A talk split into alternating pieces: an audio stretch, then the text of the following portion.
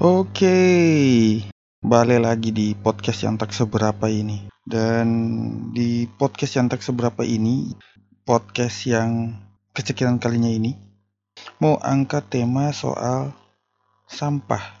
Jadi, sebelum kita bercerita soal sampah, supaya ndak kelihatan terlalu sok tahu, jadi sekitar periode 2017 ke 2018 kalau ndak salah, sempat dapat pekerjaan dari Bapelit Bangda Kota Manado sama-sama dengan Alfian Arsyad, orang ada pekerjaan yang berhubungan dengan pengelolaan limbah B3. Memang persoalan sampah ini memang lagi hype-hype sekali. Makanya DP gerakan-gerakan aksi-aksi itu banyak sekali. DP movement-movement itu banyak. Yang DP tema-tema soal sampah. Apalagi toh soal sampah plastik. Ding, ya you know lah yang akhir-akhir ini lagi hype.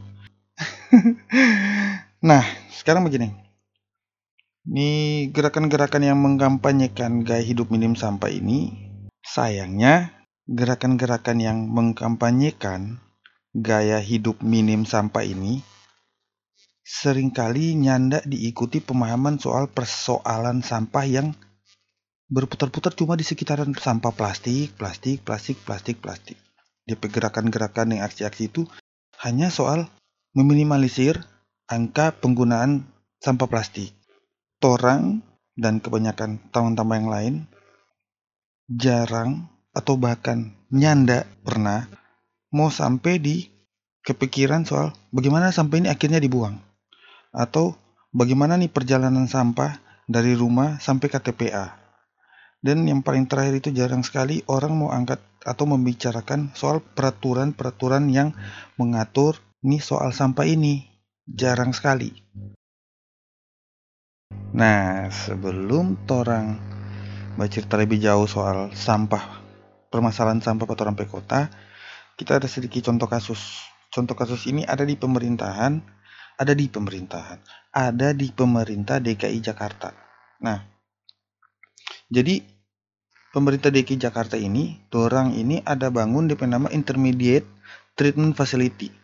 Itu fas, itu fasilitas insinerator Nah, kalau yang di Jakarta ini, DP fasilitas insinerator insinerator ini itu so DP skala itu so sampai jadi pembangkit listrik, pembangkit listrik tenaga sampah berbasis termal. Nah, jadi intermediate treatment facility ini dia memproduksi listrik dengan DP kapasitas itu 35 MW setiap hari. Jadi, setelah sampah dibakar di insinerator, baru sampah tersebut dibuang ke tempat pembuangan akhir, KTPA. Oke. Okay. Ini dorong pepandangan DKI Jakarta ini pepandangan uh, bahwa permasalahan sampah ini itu merupakan bagian dari permasalahan keindahan kota.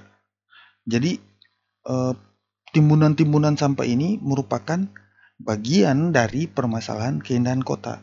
Nah, dompet pandangan ini merunut dari peraturan Presiden nomor 35 tahun 2018 tentang percepatan pembangunan instalasi pengolahan sampah menjadi energi listrik berbasis teknologi ramah lingkungan.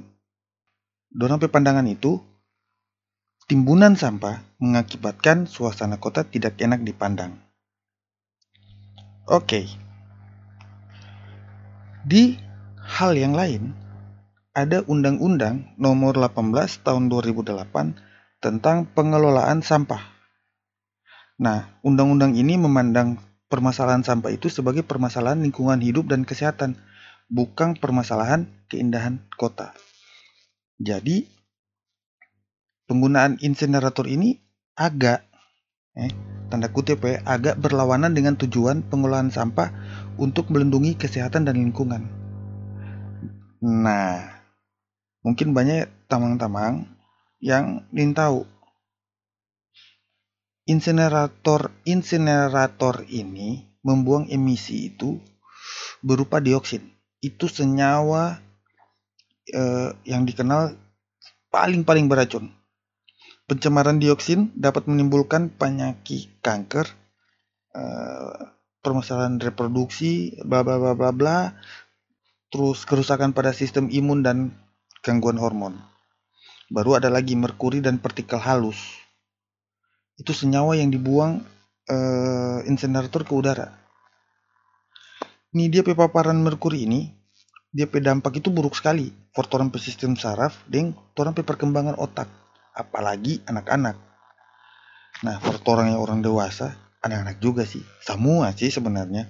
Partikel ini dia partikel halus ini, kalau orang dapat hirup, itu menyebabkan penurunan fungsi paru, kanker, serangan jantung, sampai kematian dini, bro.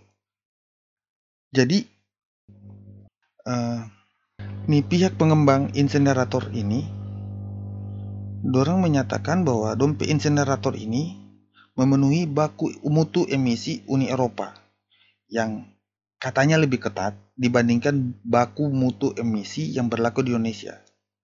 Padahal uh, di banyak studi itu menunjukkan bahwa insenerator itu mau dengan teknologi yang paling terbaru pun tetap dia mau membuang nih dioksin ini. Dia dari pertama dia kasih hidup justru itu paling banyak membuang tuh dioksin ini, racun dioksin ini.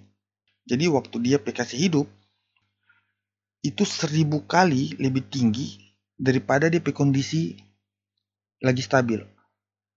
Jadi pas dorang kasih mesin, eh, kasih hidup tuh mesin insenerator, baru kasih hidup konsentrasi seribu kali lebih tinggi dibanding pada saat kondisi operasi stabil. Jadi kalau mesin lagi stabil, dia tidak banyak-banyak amat di racun keluar. Nah, beda dengan waktu kasih hidup, ding, waktu mau kasih mati ini mesin. Kong, insenerator ini yang paling modern sekalipun di Eropa sana, itu merupakan sumber utama emisi partikel halus. Di Eropa begitu, insenerator yang di New York Amerika pun begitu. Itu, le itu lebih banyak membuang emisi merkuri 14 kali lebih tinggi dibandingkan PLTU batubara. Kong, ini emisi beracun ini dia itu menghasilkan abu yang masuk di kategori limbah bahan berbahaya dan beracun, limbah B3. Nah, limbah B3 ini yang sempat di awal itu kita bilang waktu kita dengan Alfian dapat pekerjaan dari Bapelit Bangda Kota Manado tentang pengolahan limbah B3 itu. Nah, kong lanjut. Nih abu ini, nih masuk kategori limbah bahan berbahaya dan beracun ini, limbah B3 ini itu dia bersifat itu kan selain dia selain dia berbahaya dia bersifat itu mahal mahal sekali jadi ada pengalaman di Amerika Serikat di Norwegia itu menunjukkan adanya ancaman pencemaran udara dan air akibat kebocoran abu tersebut. Dan faktanya menunjukkan bahwa insenerator sebenarnya tidak memusnahkan seluruh sampah. Jadi cukup jelas bahwa lingkungan dan kesehatan terancam oleh operasi insenerator.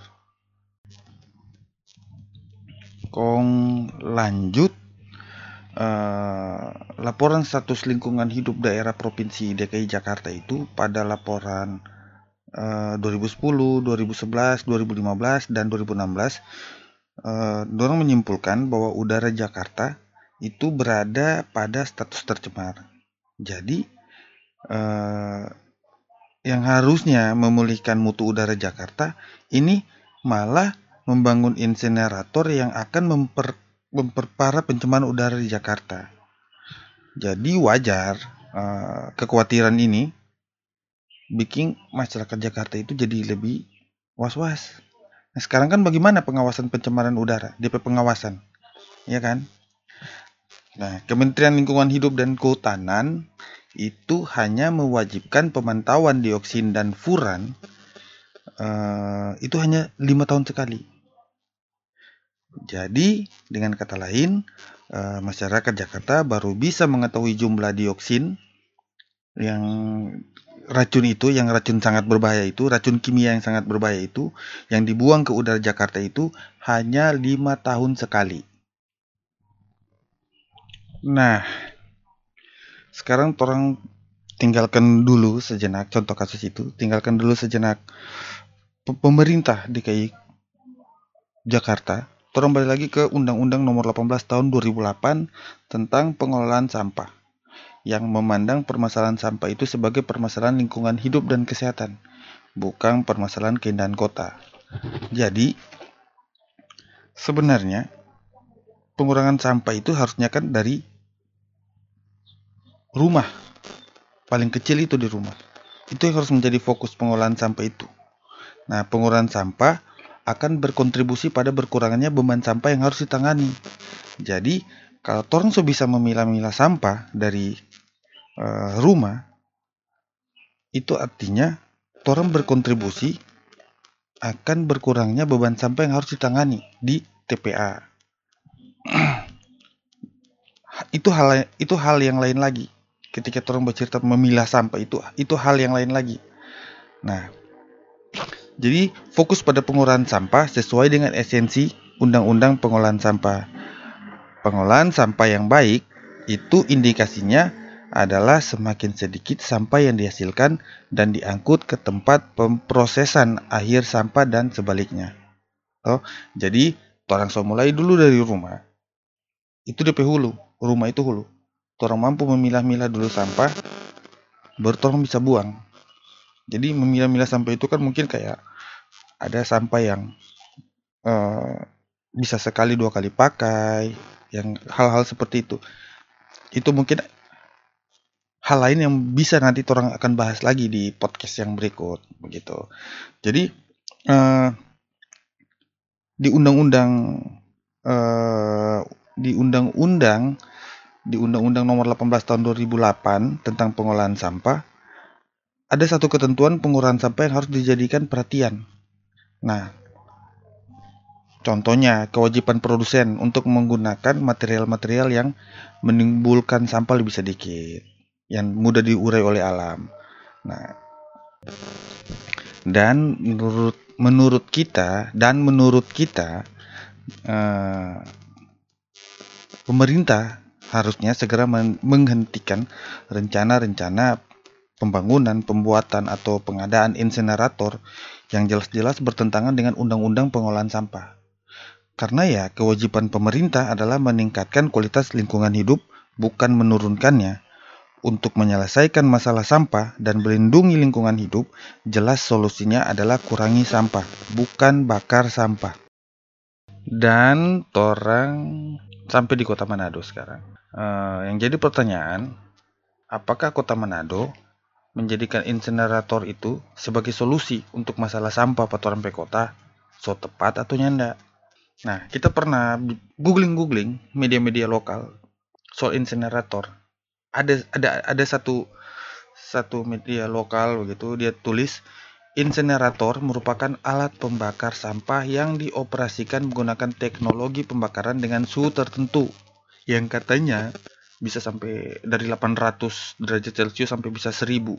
Alat ini insinerator ini bisa membakar sampah sampai habis. Nah, kata-kata habis di sini yang harusnya orang lurus, luruskan. Benar so nih sampah-sampah yang dibakar ini menggunakan insenerator ini habis.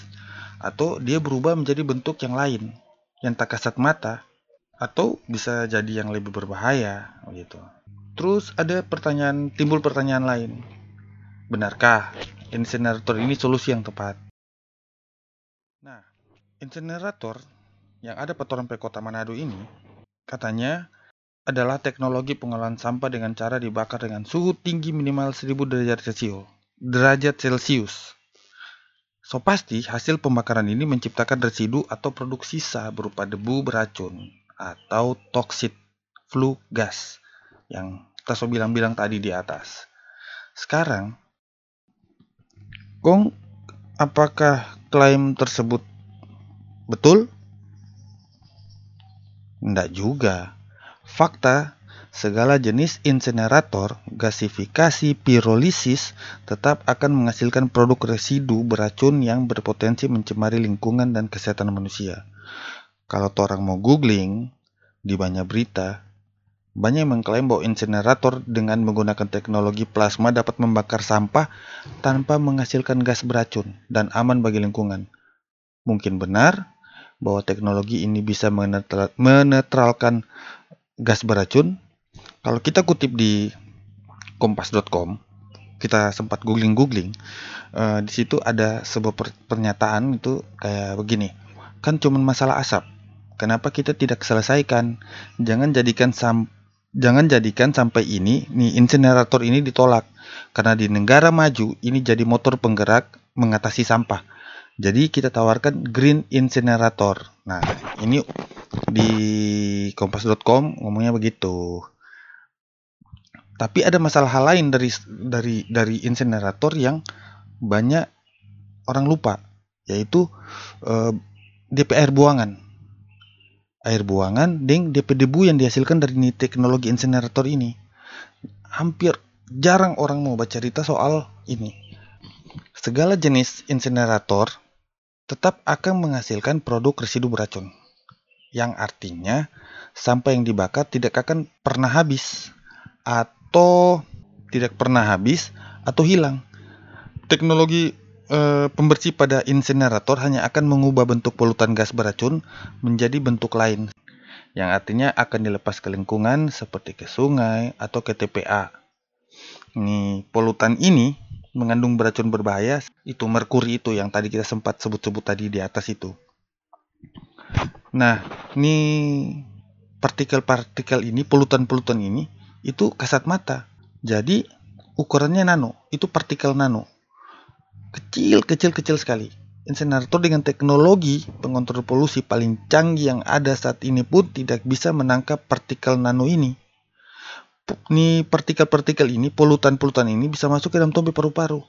Aliran darah manusia hewan eh, hewan eh, hewan ternak, orang hewan piaraan dan tumbuhan-tumbuhan di sekitar nih insinerator. Nah, dia punya resiko itu sama yang tadi kita sudah bilang-bilang tadi di atas, kayak kanker, penyakit jantung, asma, stroke, cacat fisik, mental. Orang so pernah kejadian loh. Uh, limbah tailing di pantai di daerah seputaran Mitra sana. Nah, fakta yang lain lagi, uh, insinerator ini menghasilkan emisi rumah kaca lebih tinggi daripada pembakaran batu bara. Nah, insinerator itu menghasilkan lebih banyak CO2 per unit listrik daripada pembangkit listrik dari batu bara.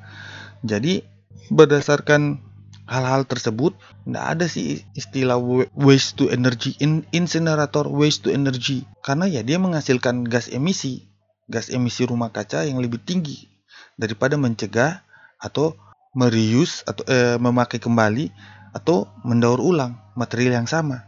Sebaliknya, emisi gas rumah kaca di Amerika Serikat sana dapat berkurang dengan strategi minim sampah, bukan dengan membakar sampah. Nah, memang ada beberapa negara yang e, menggunakan insinerator kayak Swedia, Denmark, Jepang. Hmm, dorang sampai sekarang memakai insinerator. Mar ada ada poin penting yang perlu orang lihat bahwa Swedia, Jepang, Denmark, dorang itu sudah mampu, so mampu memilah sampah dengan baik. Sama yang kita udah bilang tadi di atas. Kita sempat bilang tadi sebelum-sebelumnya bahwa penanganan sampah itu mesti dari hulu. Ya dari rumah, orang so bisa pilah-pilah dulu orang pe sampah. Indonesia belum bisa, orang belum bisa. Orang belum bisa, orang belum mampu ke depan pasti bisa. Bisa memang. Nah, berarti argumen negara maju pakai insinerator itu nyanda valid dan nyanda cocok dengan kondisi di Indonesia apalagi di kota Manado. Lalu ada pertanyaan bahwa apa dasar penggunaan insinerator yang ada di Torampe kota? Masa cuma sekedar konsultasi? Iya toh? Kan nggak bisa karena setahu kita persyaratan izin untuk kayak contoh ya contoh kayak penggunaan insinerator di rumah sakit itu izinnya aja lumayan ketat karena uh, mesti ada kelengkapan-kelengkapan administrasi dan teknis. Dan menurut Muhammad Askari, dia itu staf asisten deputi verifikasi pengolahan limbah B3 Kementerian Lingkungan Hidup dan Kehutanan. Dia menjelaskan banyak hal sih sebenarnya di DP presentasi. Jadi tata cara proses perizinan B3 itu, PLB3 itu, itu ada pemohon, ada persyaratan administrasi lengkap, baru verifikasi teknis, review dan evaluasi, terus uh, memenuhi persyaratan teknis atau enggak, lalu penetapan dan penetapan persyaratan dan ketentuan dalam izin, terus izin dan rekomendasi mesti dari Menteri Lingkungan Hidup. Jadi, mesti dipertanyakan kembali apakah penggunaan insenerator sudah tepat, sudah sesuai izin-izin, sudah sesuai ketentuan atau belum. Kalau orang mau lihat sekilas, insenerator memang terkesan menjanjikan karena dapat menghilangkan sampah dari orang pepandangan. Mas seperti yang so kita bilang-bilang tadi di atas, sampah yang dibakar melalui insinerator tidak akan pernah benar-benar hilang atau habis. Dia hanya berubah bentuk menjadi pelutan-pelutan yang lain. Nah, lalu insinerator juga akan membuat orang budaya malas. Budaya malas memilah sampah yang memang sudah ada pada masyarakat Indonesia saat ini. Dan akhirnya membawa orang pe kota ini kepada lebih banyak sampah yang harusnya orang bisa mengurai sampah dari rumah meminimalisir penggunaan sampah dari tingkatan paling kecil itu akan hilang.